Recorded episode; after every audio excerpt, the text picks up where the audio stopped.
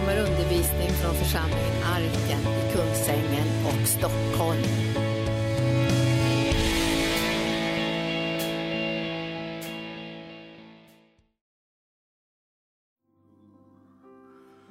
Ja, vi välkomnar dig, Herre Jesus. I din Ande så kommer vi att kunna få se och få uppenbarelse om vad som är din vilja, om vad som är din väg, om vad som är dina tankar och om vad du har gjort för oss och vill ge till oss i det här livet. Vi tackar dig Herre för att vi kan så lita på dig när vi vandrar i den här världen som ibland kallas för Tåredalen men som inte betyder att det som är sanningen med den är det som vi ibland upplever som jobbigt utan det är det att det du som har vunnit segern här på jorden och räddat oss ifrån det som är allt som har att göra med förgängelse och undergång. Och det är du som har berett en plats för oss i himmelen, eh, i det eviga livet. Och vi har del i det och vi ser fram emot det och vi tar emot det i denna stund i tro. I Jesu namn och församlingen sa Halleluja. Ja, eh, vi ska, jag ska säga med anledning av boken också här att vi eh, ordet, den som vi läser, så vi kan läsa ett litet stycke, en, en sida i den så att säga, per dag med ett bibelord och, eh, och så. Jag hoppas att ni har den, jag hoppas att ni har läst i den.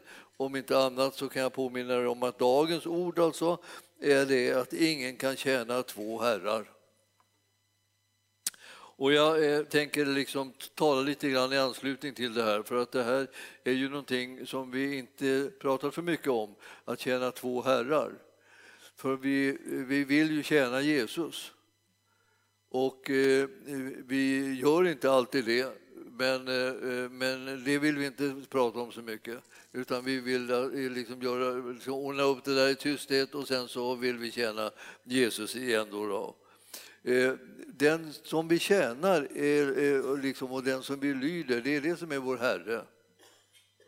Så det liksom känns lite pinsamt och, och smärtsamt och allt möjligt att upptäcka att eh, eh vi behandlar någon annan som Herre stundtals än den som, är, som vi egentligen har valt han som har räddat oss och, och, och, han som har bevarat oss och han som skyddar oss på olika sätt. Det är han som vi vill tillhöra från hjärtat. Liksom. Men, men ändå så, så, liksom, så skymtar det liksom någon andra krafter eh, som om de vore verksamma i våra liv och dyker, dyker fram. Och jag tänkte att, att det, eh, man måste tänka så här, ja, det, det finns två herrar, man kan inte, göra, man kan inte känna båda. Eh, så att, eh, hur ska man hamna i det läget att man liksom mer och mer tjänar den som man har valt att tjäna och inte eh, hela tiden tänker att jag hamnar jämt i den där gropen. Jag faller alltid i det där diket, vad vi allt vad vi kallar det. Det, här, det här är min skötesynd, säger någon då, så som har lite, lite, lite tjusig formulering på det. Då. Men, men i själva verket så är det, liksom, det här ett ganska stort problem i kristenheten. Det är säga, mycket av det som vi liksom vill, verkligen vill, det, det, kommer aldrig vi till skott med bara därför att vi är grumliga i, i livet. Och vi blir så att säga inte synliga för, för världen. Och världen märker inte att det finns en, en, en kristen församling eller ett kristet, ett kristet folk eller Guds rike, att det är mitt ibland dem. Jesus kunde säga Guds rike är mitt ibland, kunde han säga. Och, och, och, då kunde de inte riktigt komma undan det. Därför att när de såg vad han gjorde och vad som hände runt omkring honom och hur han levde och, och liksom, hur människor liksom bröt upp och, följde honom radikalt och så här. Ja, de såg ju, Guds rike var ju här. Det var så otäckt eh, liksom för dem. Så länge de inte hade gjort rätt val så var det otäckt att höra att alltså Guds rike är här. Och, och, och var är jag då? Ja, jag, jag är liksom ett annat rike tydligen. Och jag har inte liksom ännu valt att kasta mig helhjärtat in i det som är, är det Guds rike. Och där Jesus han, han var liksom en här, han kunde säga liksom med, med, att han var där så var Guds rike närvarande. Ja, och så vad säger vi?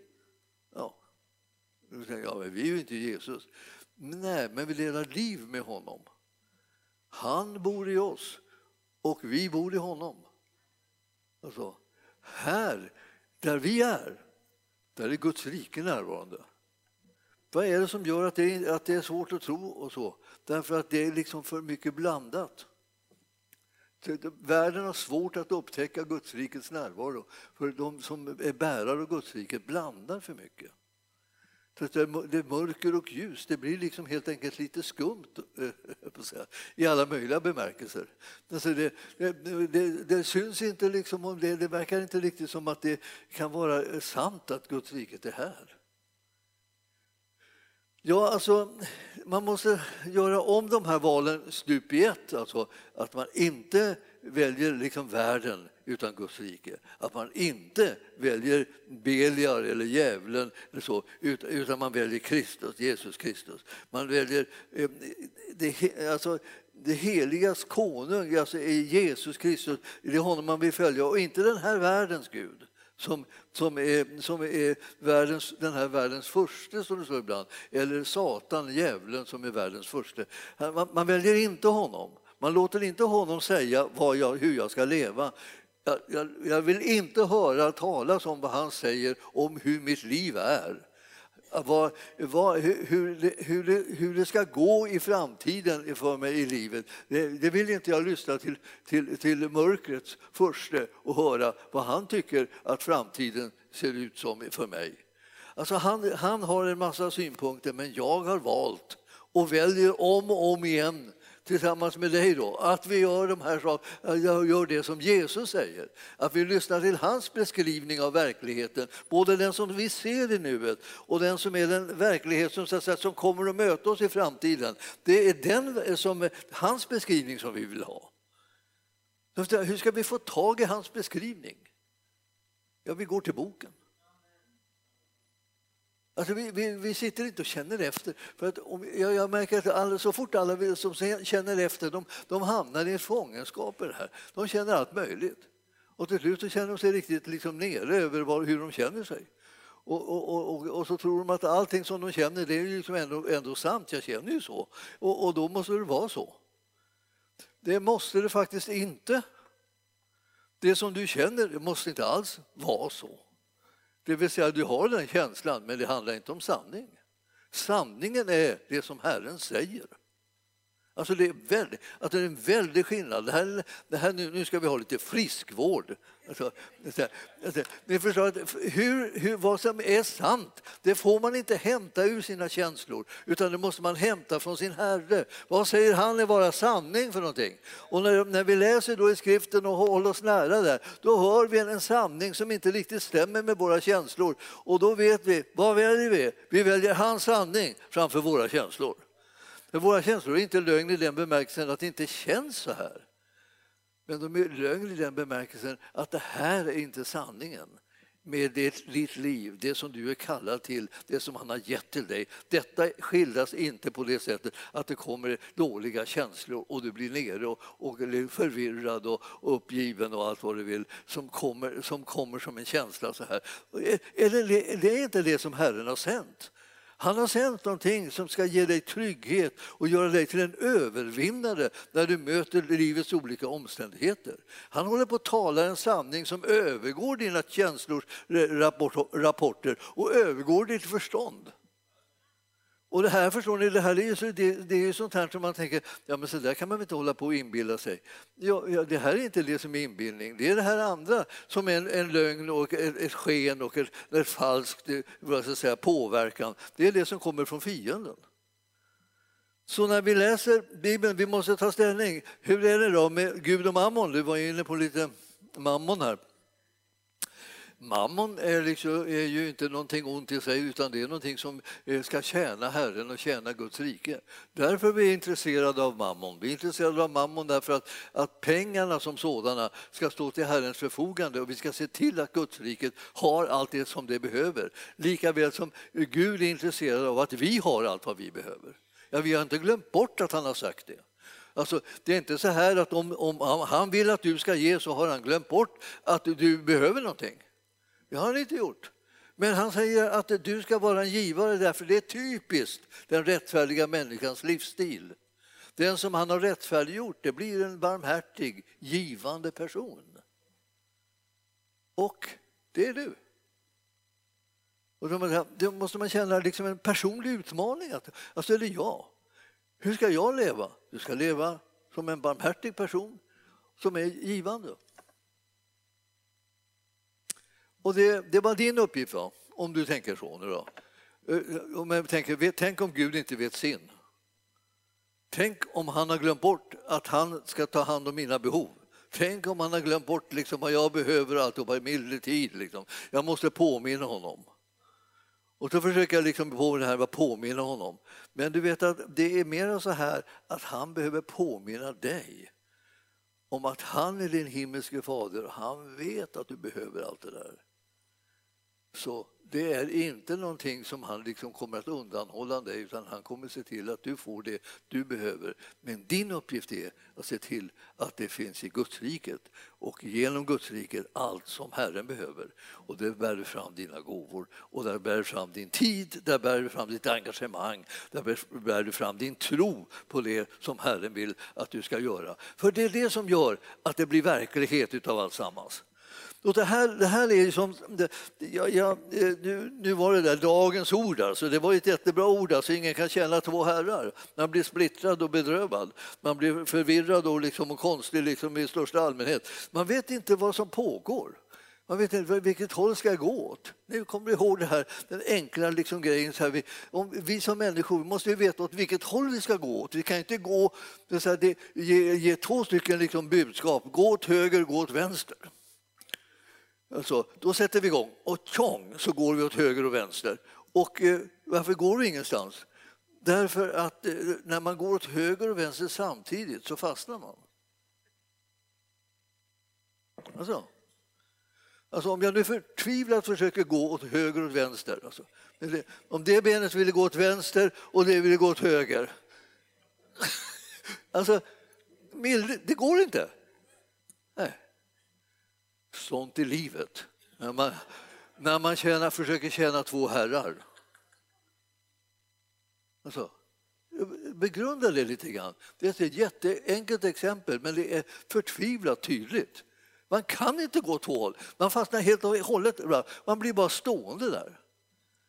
Och det är det där att bli stående någonstans och inte gå vare sig åt ena eller andra hållet, man försöker känna två herrar. Då blir, då blir man en sån här person som, som har mam, Gud och mammon liksom, det, det, och drar båda håll. Man försöker vara i världen och man försöker vara i Guds rike.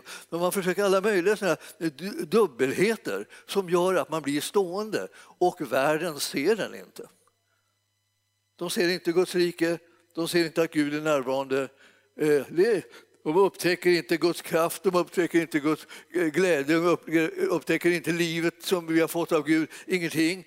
Och där står vi liksom och stretar åt båda hållen och är utan vittnesbörd för världen. Låt oss göra liksom nya sådana här beslut om att liksom, nu bestämmer jag mig, jag går med Gud. Och plötsligt så samverkar mina fötter och går åt det hållet där jag kommer närmare gudsordet. Ja, nu ligger det här. Så, så, då, och här, jag förankrar mitt ord liksom, mig i det här ordet alltså, som är här. Det är här jag hittar sanningen och det här jag hittar vägledningen. Jag ska gå åt det hållet som Herren vill. Jag måste, liksom, jag måste, jag måste ta tag i mig själv och säga så här, nej, nu, nu går jag åt, det, åt den vägen som Herren pekar ut. Fastän jag inte kan bestämma hur han går. Men han har redan bestämt det, så om jag tittar efter så kommer jag inte att bli nervös när jag går åt det här hållet där jag ska vara barmhärtig och givande. Om jag blir, ska vara barmhärtig, ja, barmhärtig ska jag liksom bry mig om hur vad andra människor behöver, vad andra, hur andra människor har det. Så här. Ja, men, ja, men jag då? Ja, men jag då? Då börjar man tänka så här. Eh, ja, det är inte du eh, nu, utan det är dem. Nu gäller det dem. Och det här, du ska vara barmhärtig, du ska liksom glömma dig själv och liksom bry dig om andra. Så här.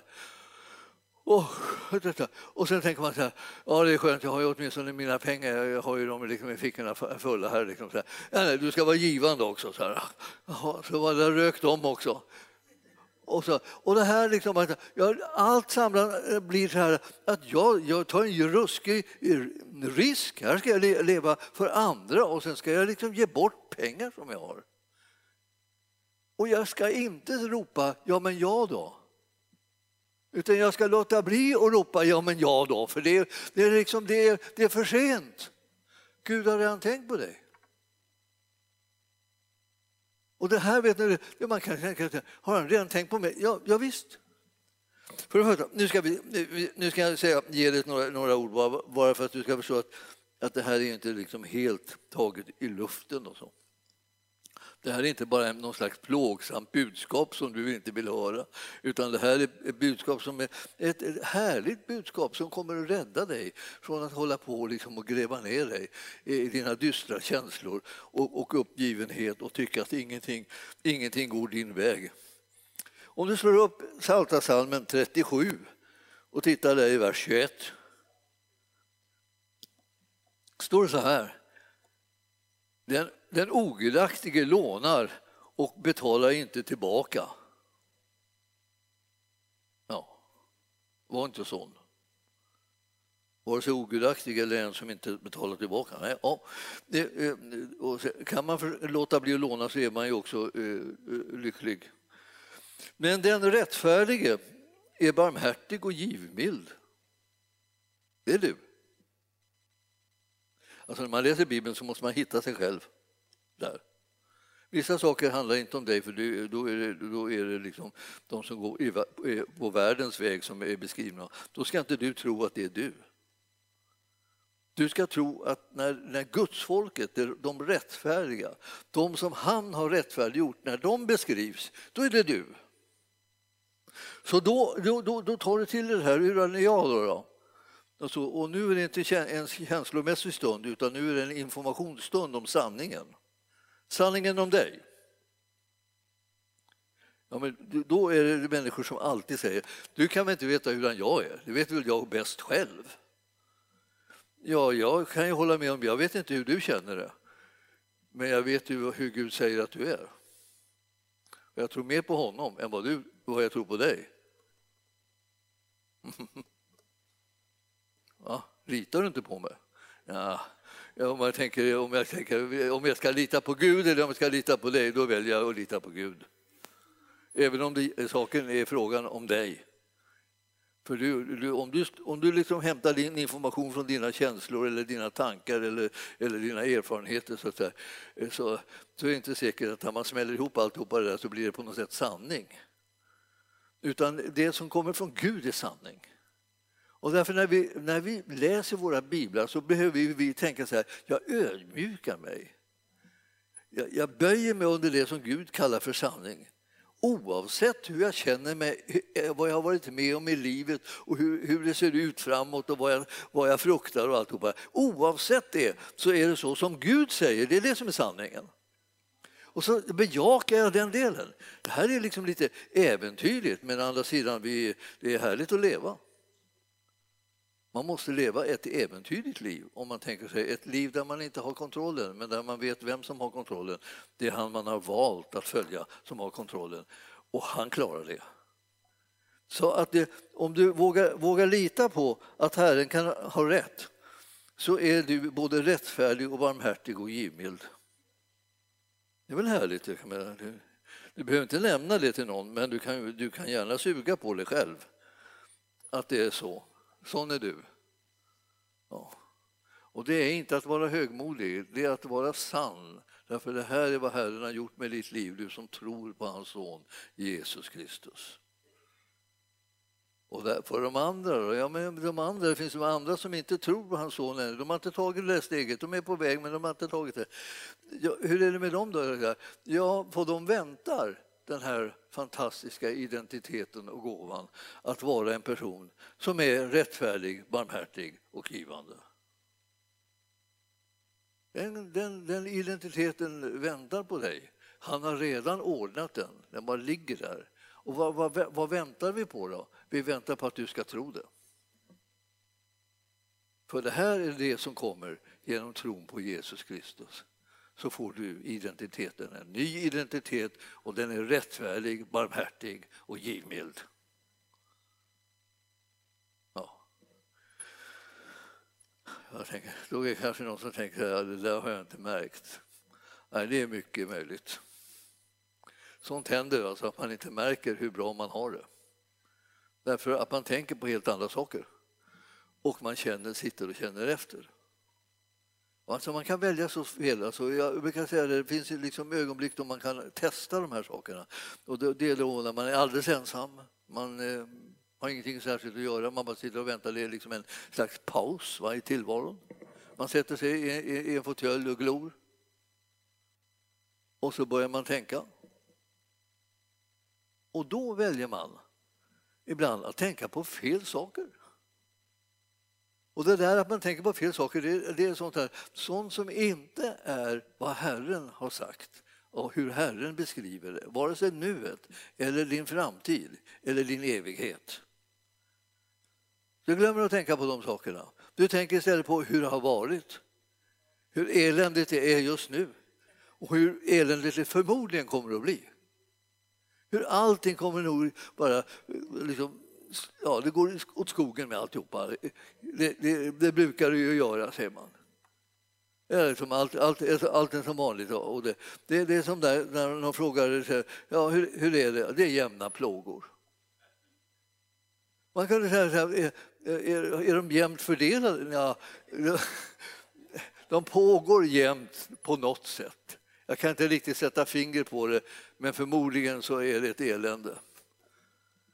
Man är liksom öppen, vidöppen för elände och motgångar, svårigheter och hinder, och smärtor och alltihopa. Det är man liksom öppen för, för man tycker att man, det känner man jag och är inte det ena så är det det andra och man har alla möjliga eländiga uttalanden istället för att säga precis det här. Jag är en rättfärdig man och kvinna och jag är barmhärtig och jag är givande.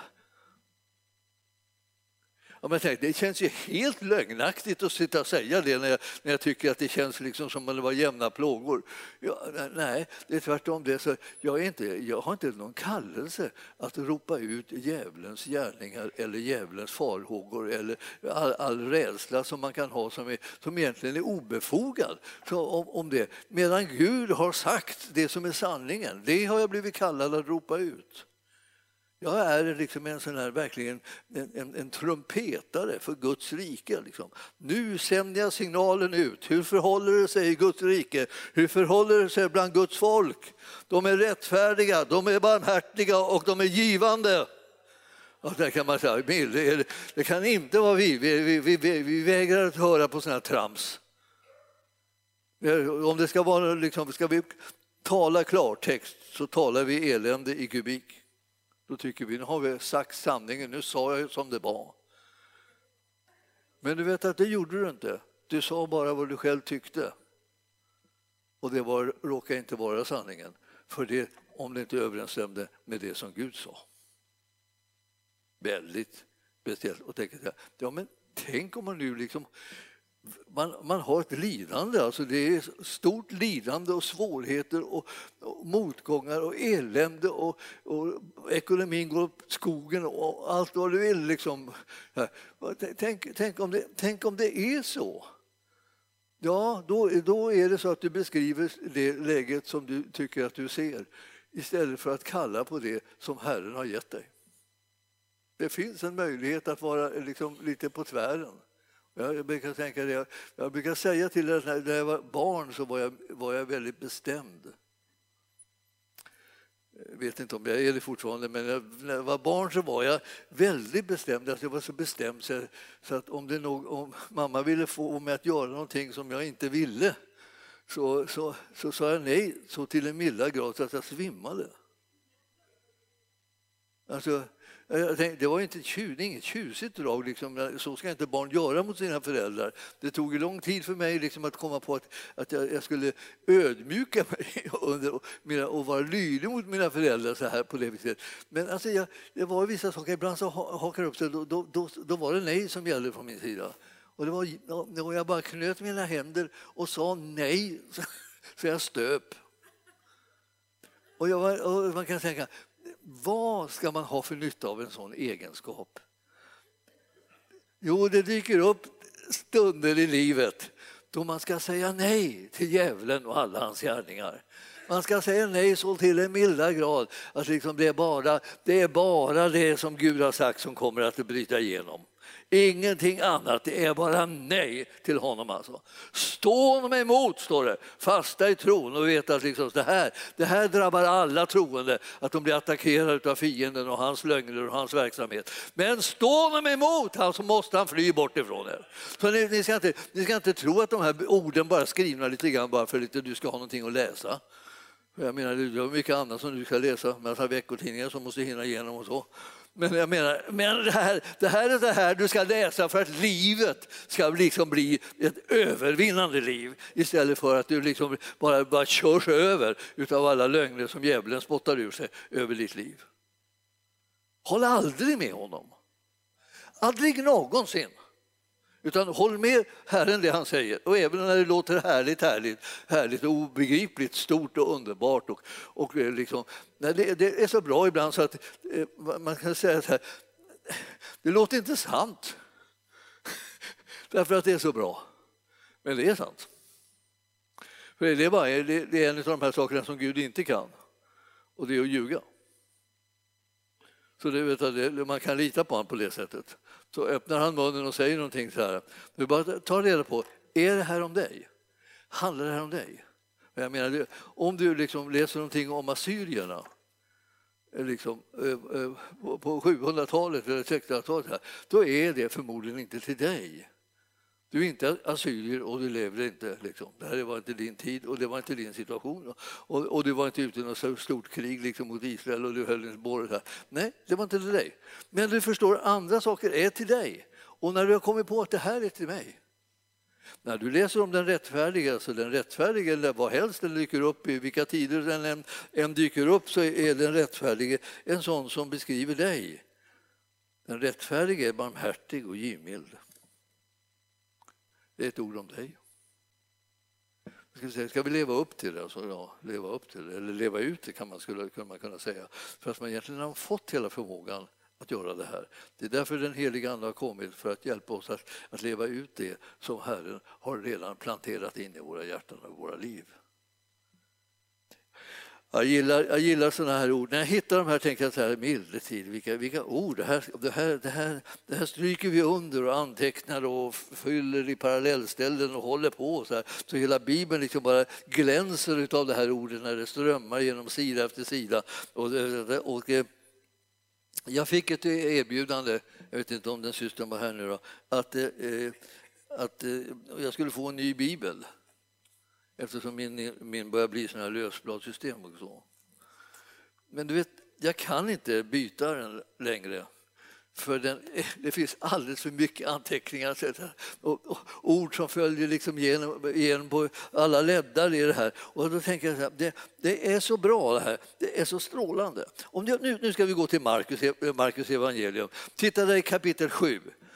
Alltså Bibeln, Bibeln är ju det bästa det absolut bästa som finns att läsa. Alltså. När man läser Bibeln, alltså det, eh, och då tänker jag så här, det finns en sak som är väldigt bra, för mig är väldigt bra, så här, det är det att jag tvingas läsa Bibeln. För jag ska förklara den för någon så jag blev tvungen att läsa i den. Så, här. så när, jag läser, när jag läser i den för en vecka, för, under en vecka så här bara, och, och, och frågar Herren vad, liksom, vad vill att jag ska liksom predika om och så där. Jag, jag liksom går omkring och, liksom, och, och har en, liksom, en liten dialog så här. Och, och, jag vill veta vad jag ska predika om. Vad, ska, vad, ska, vad, ska, vad behöver församlingen? Vad är aktuellt? Vad ska jag säga till den så att, säga, så att den får tag i det som är? Och så läser jag och läser och läser, och läser liksom allt, om allt mellan himmel och jord. Och, så. och sen så ja, så kommer jag närmare och närmare. Liksom och, så här. och jag har så många bra ställen som jag har hittat, så det är inte klokt. Alltså. Det är, ja, det är, det är bra, men att jag menar, det är bara det att vilket ställe ska jag tala om? Vilka, vilka, vilka väg ska jag gå på? Det, det, det, är så gott om så bra saker så att jag blir så uppbyggd och uppmuntrad av det. Men allt det som uppbygger mig just nu är inte säkert att det som uppbygger dig just nu. Utan nu måste jag liksom hitta det där som ska vara föda för dig. Herren vill ge dig av det här levande eh, brödet. Och då står det i sjunde kapitlet i Markus evangelium. Eh, eh, och vi ska ta från 20, vad blir det, 20, 20 versen. Blir det. Han tillade Det är Jesus som talar nu. Det som går ut ur människan, det gör henne oren. Ty inifrån från människans hjärta utgår onda tankar, otukt, stöld och mord, äktenskapsbrott, girighet, ondska, svek, lösaktighet, avund, hedelse, högmod och dårskap. Allt detta onda kommer inifrån och gör människan oren. Eh, jag, jag, jag, har, jag har tänkt ibland så här att i den här världen lever vi. Va? Vi lever i den här världen men vi lever inte av den. Alltså, vi, vi, vi, vi tänker inte ösa ur den här världen eh, sånt som vi, som vi ska behöva för att kunna leva vårt liv. Och, och, och då så här framgår det liksom att Jesus säger att alltså det, det är också så, alltså innan ni blir frälsta är det ingen idé att ösa inifrån heller. Nu talar han till människor som inte var frälsta. Va? Och om inte du kommer ihåg det, då tror du att det här var det värsta påhopp jag har varit med om. Skulle alltihopa, all denna smörja vara i mig? Va? Är, det, är det sånt här som är, är mitt hjärta är fullt av? Nej, inte, inte sedan du har renat ditt hjärta. inte. Då är det inte det. Inte sedan du har blivit född på nytt är inte hjärtat fyllt av det här. Men du förstår, innan så är det som att det, det är inifrån. Det, det, det, går inte att lita på, därför det, det är något fel på hjärtat eh, eh, som du har eh, innan du har blivit frälst. Du måste få ett nytt hjärta. Bibeln talar om det. Liksom. Det gamla hjärtat, det stenhjärtat, liksom det, det producerar sådana här saker. Men det måste bytas ut och när det har bytts ut då får du ett nytt hjärta. Det här nya hjärtat har liksom en helt annan, helt annan källa. Källan är ju liksom att det finns en gemenskap mellan Gud och, och dig i ditt, ditt, hjärta, i ditt inre, i din ande. Och därifrån hämtar du någonting helt annat än den här soppan. Och om du tycker att ja, det finns ju sånt där i mitt hjärta också. Nja, så det, eh, det finns sånt där i, i ditt liv och ibland så är det svårt att liksom se de här sakerna, så att, säga, att det, här, det onda kommer inifrån och gör människan oren. Men varifrån kommer det goda då? då? Om det är så här att det, att det onda kommer inifrån. Kommer det, kommer det goda utifrån? Alltså, det låter en aning riskabelt. Vad är det som är utifrån? Vad är det som är ute, utikring? Det är ju, det är ju världen. Ja, alltså, det, det goda kommer också inifrån. Fast efter det att du har blivit förvandlad och fått ett nytt hjärta. Då kommer det inifrån. Då kommer det, då kommer det här härliga inifrån. Det vill säga, du kan få höra från Gud inifrån ditt hjärta. Du kan bli ledd av Herrens ande. Du kan bli påmind om vad det är som han har gett dig, vad han har gjort med dig, vad han vill sända dig, hur han vill använda dig. Det kommer från ditt inre. Det kommer som och Herrens, Herrens röst har förmågan liksom att tala till dig och vägleda dig eh, inifrån ditt hjärta. Där, är, där hör du inte världens röst, liksom där hör du Herrens röst. Om du ska lyssna till honom, så lyssna in, lyssnar du inåt och känner vad, vad är det som han manar mig till. Han talar ju ofta så väldigt stilla så att vi nästan tycker att det är irriterande. Vi skulle vilja att han var, han var högljudd, för då hörde vi, var vi säkra på att vi hörde honom eller var ordentligt, hör, hör, hör ordentligt så. Utan vi, vi måste stilla oss och säga och så måste vi lyssna inåt. Och då får vi inte upp det här som man fick upp innan man, innan man fick ett nytt hjärta. Det gamla hjärtat det är liksom utbytt. Vi har fått ett nytt hjärta som är levande i förhållande till Gud. Och där talar Herren om det som han vill göra och det som han har gjort genom sin son. Och du kommer att höra mer och mer av det. Och när du den, dessutom sen läser skriften så ser du ännu bättre att vad Herren vill göra, vad Herren vill ge och, och vad Herren tänker om ditt liv och, och, och hur planen ser ut. Och du och jag behöver liksom vända oss vid det här för att jag känner att ibland så blir det så att vi tappar bort den där biten, liksom att, att det finns ett, ett förut och det finns ett nu. Och vi tror att vi liksom blandar ihop dem liksom allihopa, liksom alla, alla uppgifterna alla sakerna på en enda gång. Så, att jag, så vi tänker att ja, ja, här, här står det nu och så, och ena, stunden så, ena stunden så är det liksom bara hjärtat bara liksom är hopplöst lömskt och opålitligt. Och sen nästa stund så åh, Herren talar och manar i mitt hjärta, han fyller mig liksom, han, mitt hjärta är den heliga Andes tempel, halleluja. Så ja, men, hur ska vi ha det? Hur ska man veta vad, vad, vad hjärtat sysslar med liksom just nu? Då? Det, det, det är frågan om att ta reda på sanningen. Var hittar du den då? Ja, det är inte att du känner efter utan det är det att du inte läser efter. Du läser och kollar upp det. Här, var står det?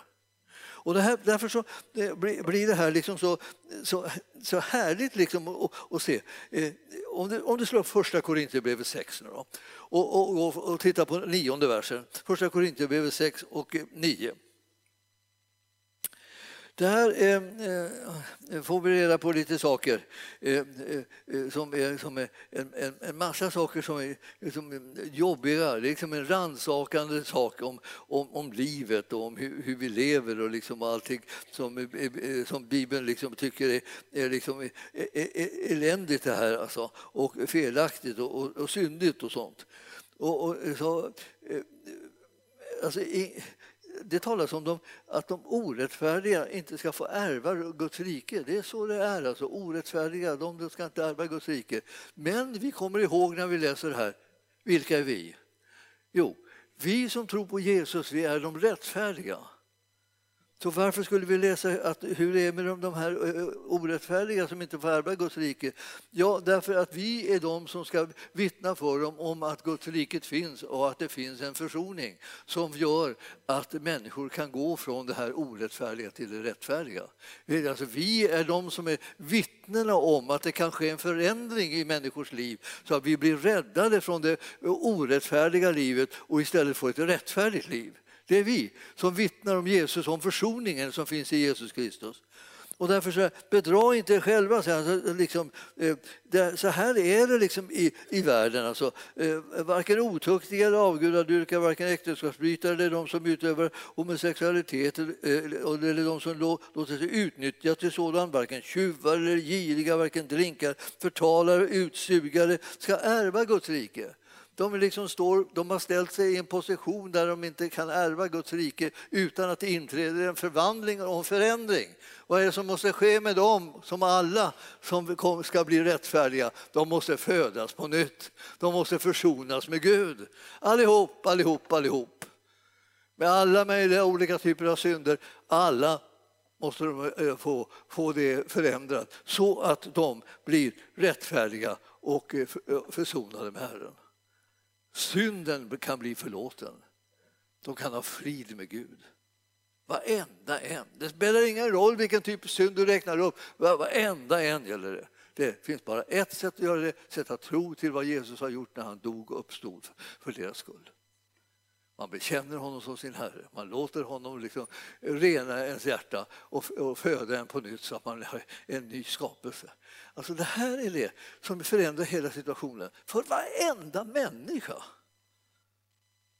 Det, det, är, till, alltså det är fullkomligt likgiltigt att sitta och eh, försöka bedöma de olika syndernas allvar och tyngd och hemskhet och sånt där. Det spelar ingen roll för Gud, för att han förlåter dem alla när de kommer och be, be, bekänner sin synd och tar emot Jesus. Alla. De går från orättfärdighet och, och, och synd i högar om du vill. Eller bara liten synd, liten obetydlig, lite smått synd. Så här, lite saker som, som vi tycker ibland är väl inte så farligt. Om vi talar lite skit om varandra eller så. Ja. Och man börjar tänka så här, det, det gör ju vem som helst ibland när man liksom, lite, kommer lite i otakt. Där man, så, så, så, så kläcker man ur sig en massa omdömen om andra. Så här. Ja. Och så är det synd. Och så betyder det att om du inte gör, gör upp med det och liksom låter det födas på nytt här så, så, så kommer du gå, gå förlorad. Och då tänker man så här, för den synden? Nej, för den identiteten som du har. Det vill säga, en syndare är en syndare så att säga, vare sig den gör stora eller små synder. Identiteten är den avgörande punkten. Vem har rätt identitet? Den som har låtit sig födas på nytt. Den har blivit rättfärdig jord. Och därmed så Eller så att alla de här synderna som man hade, var, vilka de än var, är försonade. Och du har tagit emot det, förlåtelsen för, för synden och blivit en pånyttfödd människa. Det är så fantastiskt alltså hur Gud kan göra det här. Han gör det så här, ja, men vi sitter, kan sitta och väga, säger jag, men jag är åtminstone inte som den personen, jag åtminstone inte, eller jag är lite bättre här och lite där har, har ingen betydelse. Det som har betydelse är att du tror på vad Jesus har gjort när han har försonat dig med Gud genom att ge sitt liv till, till, till som var ett offer och blodet som har utgjutits till försoning. Det, det var det som var saken. När du sätter tro till det och tar emot honom i ditt hjärta, då blir du frälst och då blir du rättfärdiggjord. Och det blir vare sig mer eller mindre, det är bara precis så det är. Det blir helt och hållet frälst. Alltihopa liksom är avklarat. Då ska vi läsa den elfte versen. Sådan, sådan alltså, var en del av er. Alltså, som det här, de här synderna som räknas upp var inte alla som hade problem just med dem, men en del av er hade problem. Men, står det, och nu kommer det, nu kommer det absolut avgörande. Ni har tvättat rena och ni har blivit helgade och ni har förklarats rättfärdiga i Herren Jesu Kristi namn och i vår Guds ande. Så är läget. Där var sanningen. Nu är det sanningen. Det andra står där också, men det är inte, det är inte sanningen längre med, om, om dig eller mig eller så, utan det är det här som är sanningen. Alltså, och, och då kan man säga, ja men man kan inte, du, du menar väl inte liksom att vi inte ska bry oss om de här, såna här synder och låta bli dem? Så jo, jag menar att vi ska låta bli dem, klart. Men det är inte det som frälser. Det som frälser är att du tror på den försoningsgärning som Jesus har gjort för din räkning. Så att din synd har blivit förlåten. Är, vi har stora förmåner att, att, eh, när vi syndar, eller ska, vi, ska jag säga lite vänligt, om vi syndar, så är Gud trofast och rättfärdig så att han förlåter oss våra synder och renar oss från all orättfärdighet. Det där vi brukar läsa så att säga, i samband med att vi har en, eh, en syndabekännelse. Så säger vi det här, vi påminner oss om det här. Va? Om vi gör det här, om vi syndar nu då. Alltså gör någon enstaka synder så här. Det, för att du gör en enstaka synd så här blir du inte en syndare. Du är en rättfärdig som inte lever värdigt Herren och du behöver bekänna synden. Och när du gör det blir du förlåten. Herren längtar efter att se till att du är hela tiden rentvättad i blodet, förlåten och försonad. Hela tiden. Och när, när det här sker då, då börjar du känna så här, jag vet var min identitet sitter. Den sitter inte i att jag tänkte en dum tanke eller, eller jag sa liksom ett, ett elakt ord eller, eller någonting så här. Min identitet sitter i Jesus Kristus. När den där tanken kommer och när det där förflugna ordet kommer, då säger jag förlåt mig Herre. Och så bekänner jag det att jag, jag syndade genom att säga det där.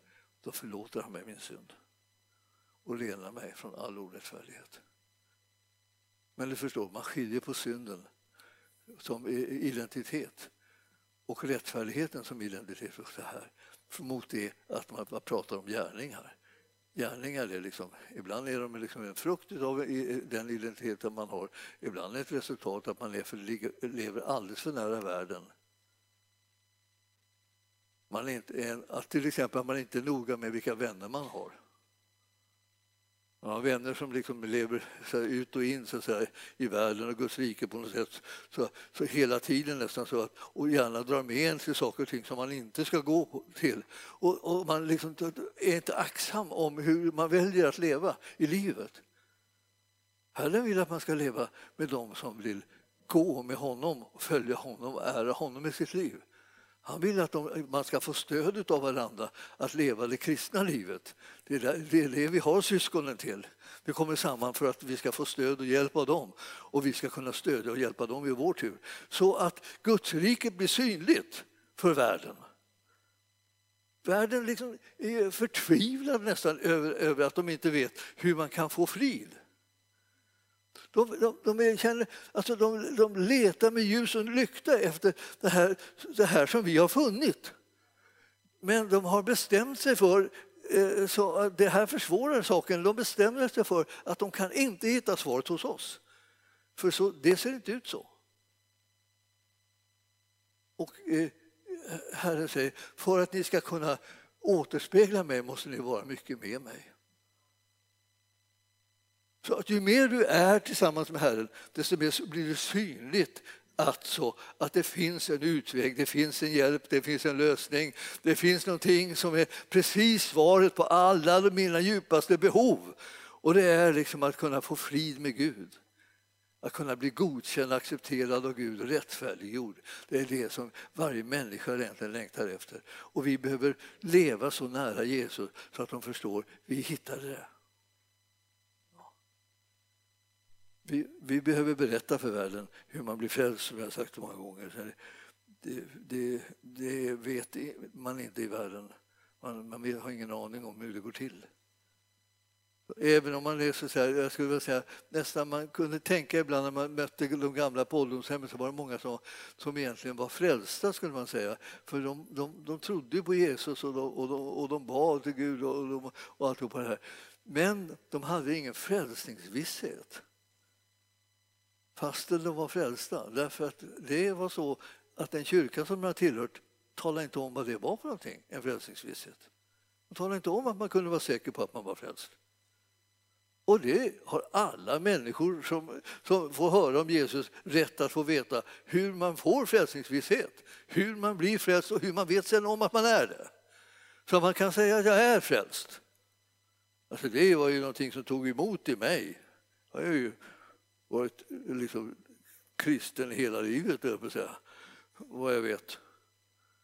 Eh, men eh, ändå tog emot mig när jag säger att jag var frälst. För jag var i en kyrka där man sa inte så. Och man sa inte att man var säker på någonting. Det var inte, det var inte ödmjukt. Det var ödmjukt att säga att man inte riktigt visste. Alltså, ja, och, och man hoppades bara på det bästa. Eh, kommer du till himlen? Ja, jag hoppas ju det. Ja, men jag vill inte säga någonting säkert för då känner jag mig högmodig och då har jag syndat igen. Och så. Man hade syndabekännelse i långa banor där man talade om att man var ett elände. Liksom. Man var liksom bara en, en orättfärdig och syndig människa som är syndfödd i alla sina livsdagar på mångfaldigt sätt och brutit mot Gud. Och så. Eh, man, man, man, man höll på så där, malde om en, en identitet som inte man längre hade. Och jag vill säga, mal om den identitet som du har. Alltså, ta, tänk på den, liksom, tacka Gud för den och håll på. Bekänn dig till den så här så att, så att den fastnar liksom på något sätt. Så att det, det, man, det, man brukar ställa, sätta en ära i att om man kan väcka någon mitt i natten så ska den kunna det här som vi har lärt oss. Här. Jag tänker om, du, om man kunde väcka dig mitt i natten och du visste om att du var rättfärdig, älskad av Gud och så där. Det vore någonting, det vore ju härligt. Det här, man ska få det inpräntat i hjärtat, fullt av det. Och, och då är det så här, åh, ska man, ska, kan vi tacka Gud? Ja, då tänker man, för vad då? För vad då? vad, är det med det? Vad, har vi pratat om hela tiden?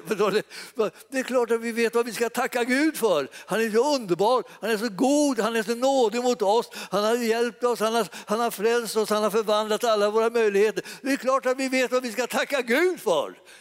Det är han som är värdig all tack och lov. Oh. ja, det är klart att du vet det, att du är vem den du ska tacka Gud.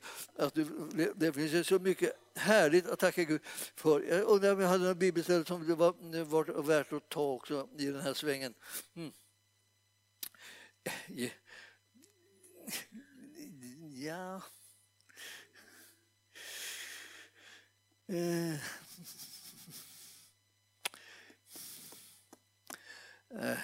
Ni vet att ibland som man tänker så här, ja, nu ska jag prata om det här på liksom ett liksom, eh, väldigt strukturerat och bra sätt. Men sen när jag kommer, när jag kommer hit så blir det aldrig det. Det, det, det, det, det jag brukar skylla på er. Eh, men, men, men, ni skyller väl på mig antar jag. Så vi, vi har det liksom pågående, pågående där. Vems fel är det liksom att det liksom kommer huller om buller? Eh, eh, jag, jag, jag, jag vet inte. Jag, jag, har en variant också, så jag skyller på Gud. Men det, och eh, han kanske tycker, okej okay, det var jag, säger han då. Eller så säger han, försök inte. Huvudsaken är att du får tag i det som var till dig. Ja, för att här gäller det liksom att för oss att få en riktigt stark känsla för det här som är vår identitet. Det som är den sanningen och verkligheten om dig och mig. Alltså. Ingen ska ta ifrån oss vår glädje, ingen ska ta ifrån oss vår, eh, vår identitet eller vår, vår, vår, vårt hem, liksom, var vi hör hemma liksom, i Guds rike. Och ingen ska ljuga om oss och säga någonting att vi är något annat än vad vi egentligen är. Utan vi ska höra från Herren och, det som han säger om oss det är absolut sanning. Punkt och slut. Ingenting, det finns ingenting att tillägga då. Så är det. Det är han som talar sanning. Om liksom så alla andra skulle tala emot det så är det han som talar sanningen. Och det är honom som du och jag ska lita på. Det blir vår räddning. Alltså det räddar oss att vi slipper liksom förlora glädjen, förlora hoppet, förlora, förlora kraften, förlora, förlora framtiden, att det ska kunna någonsin lösa sig med någonting. Så här. Man tänker att det kommer aldrig gå. Så här. Ja, du lyssnar fel igen. Om du lyssnar till Herren kommer han säga att det går. Det klarar sig, jag kommer att göra det. Jag har inte, jag har inte misslyckats med någonting, jag kan göra allting bra. Och det här är sånt här som man tänker, det är väl ändå att ta i. Herren är väl inte, han kan, kan väl inte trolla eller? Ja, och, och, och då, då man, om man tycker liksom att det här med Herren och trolla hör ihop, då är man i, i nybörjarstadiet. Ja, för, för Herren trollar inte, han gör under. Ja, och, och eh, så, så, att du behöver inte sitta och fundera på hur det är, trollar han eller trollar han inte? Är det här liksom, det, det, det, han trollar inte kan jag säga då för tydlighetens skull. Jag vill inte liksom, lägga bördan på det, utröna det där själv utan jag säger bara till dig det, så är det. Och Herren, Herren har, har tänkt på dig och jag vill läsa det till avslutningsvis att liksom, från, från det sjätte kapitlet i Matteus. Där, då. Eh, där, där står det ju liksom om dig. då och mig och alla möjliga människor som eh, det är så, det är så, eh, det är så, det är så härligt att ha en Gud som, som kan säga saker som är så radikala som man nästan blir upprörd. Alltså.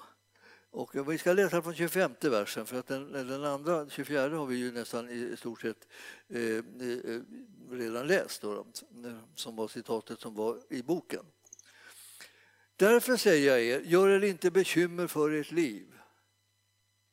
Och om vi, om vi hade varit frestade att göra oss bekymmer för vårt liv så har vi öst ur fel källa. Så. Om du nu öser ur rätt källa, som är, är Herren och hans ord, så kommer du inte behöva göra bekymmer för ditt liv.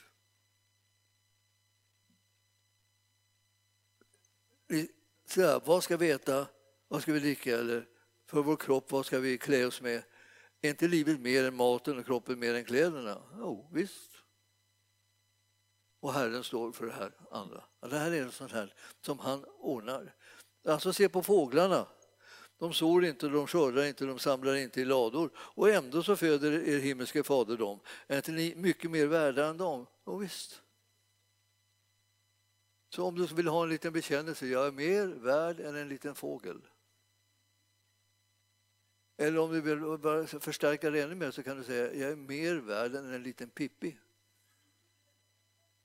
Då förstår du liksom att Herren,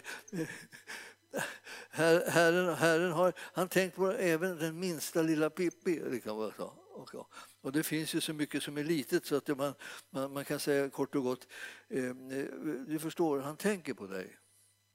Alltid gör han det. Alltså. Och så står det så här, vem kan med, med, eh, med sitt bekymmer lägga en an till sin livslängd? Alltså bekymmer är inte är inget redskap som man använder för att förlänga livet. Nej. Och varför gör ni er bekymmer för kläder? Se på ängens liljor hur de växer och arbetar inte och de spinner inte. Men jag säger inte ens Salomo i all sin prakt var klädd som en av dem. Han säger det, det finns en, liksom en, eh, bara ett självklart överflöd av skönhet och godhet liksom hos Gud. Det, det, den, han, han slösar med det. Skulle han inte bry sig om dig då? då? Om, om nu Gud ger sådana kläder åt gräset som idag står på ängen och imorgon kastas i ugnen, hur mycket mer ska han då inte klä er? Så lite tro ni har. Jag tycker liksom att vet inte ni vem jag är? Har ni inte hört eh, vad jag förmår? Vad, vad är det mer? Tro då! Det kan man inte säga. Då, då blir jag för, tro. Jag ska, ska jag försöka kränka mig nu för att jag kämpar med, med massa problem med att tro.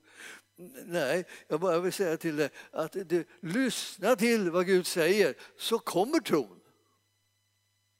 Tron kommer av predikan och predikan i kraft av Kristi ord. Det är inte i kraft av vad du tänker på. Inte i kraft av dina minnen eller dina farhågor. Det kommer ingen tro av som vi har någon nytta av. Vill säga. Det kommer en sån tro som gör att du ger upp. Det, det, det, det också, behöver man en ganska stark tro eftersom Gud är så mäktig och så tror du att, att du måste ge upp. Gud klarar att ta hand om dig också.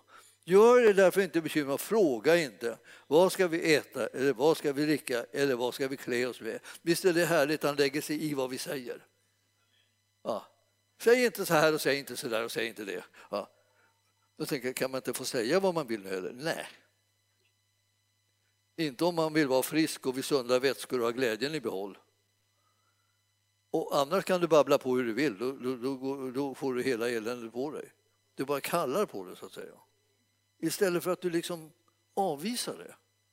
Herren säger, gör inte så här. Sitt inte och fråga det här. Sitt inte och gnäll om saker och ting. Sitt inte och liksom säga, jag har inte, jag har inte, jag har inte. Det, det är inte det som är vägen. Vägen är att ta reda på, vad har du? Vem har omsorg om det? Vem är en outsinlig källa? Ja, sådana där saker. Sådana frågor kan du ställa. Då kan han svara på dem och så blir du glad. Han har omsorg om dig. Alltså. Efter allt det här söker hedningarna, men er himmelske fader vet att ni behöver allt detta. Det här är den bästa information som finns. Han vet att du behöver allt det där som du oroar för att du inte ska få tag i. Det, så, det vet han att du behöver. Det har han tänkt på. Och så kommer det underbaraste här som jag älskar, detta bibelställe. Liksom. Sök först Guds rike och hans rättfärdighet så skall ni få allt det andra också. Va? Vilket ord det är. Alltså det, det, det där är det ordet eh, som du kan använda som natt, äh, aftonbön, på säga. På, eh, innan du somnar så bara citerar du det där och så, och så sjunker du ner i en, i en mjuk dvala i Guds famn och så tänker du så här är det, ja. just det. Jag söker först Guds rike, jag kommer få allt här andra också. Halleluja. Gör er alltså inte bekymmer för morgondagen. Han ska själv bära sitt bekymmer den, alltså denna morgondagen. Var dag har nog av sin egen plåga. Det där har jag mediterat på rätt mycket, det där ordet. Det är väldigt intressant liksom, om man låter, låter det ordet liksom tala till en så, så kommer man kunna slippa liksom, att fylla dagen med massa saker som inte hör dit. Och den här dagen som vi har här idag, eh, den har sin egen så att säga, situation. Och du behöver inte fylla på någonting med eh, alla gårdagar som har gått av elände så att du stoppar in dem idag. Och du behöver inte fylla på allt det där som du har fantiserat om morgondagen. Alltså det, den kommer att eh, bli så här och det där kommer att gå skogen och det där kommer att utvecklas si och så och bla. Och det bla bla bla bla bla bla bla. Om, om någonting som du inte känner till bara hitta på. Låt bli att förstöra din dag med framtiden som du inte känner till. Och, och förstör den inte med, med det förflutna som du känner till. För det förflutna är förgånget och framtiden har inte kommit ännu. Idag, hjälp med Herren! Känn er. Jag vill bara påminna om detta. Ja, det var amen i det istället för amen. Idag hjälper Herren. Amen. Nu, lovsångare, prisar vi Herren en stund. Eh, det är väldigt nyttigt med lovsång för man, man, man, man sjunger en massa ord så att säga, som, är, som man inte hittat på själv. utan man liksom får liksom eh, inriktning att prisa och, och tacka och lova Gud så att man liksom ser på honom som ger en livsmod och kraft och hjälp i livets alla förhållanden. Glöm honom aldrig, tänk på honom jämt. Så kommer ni märka vilka, vilka härliga utvägar Herren bereder åt er. Så alla negativa, kritiska, knep, knepiga tankar som dyker upp, avvisa dem. Tänk på Gud. Han kommer att hjälpa dig. Amen.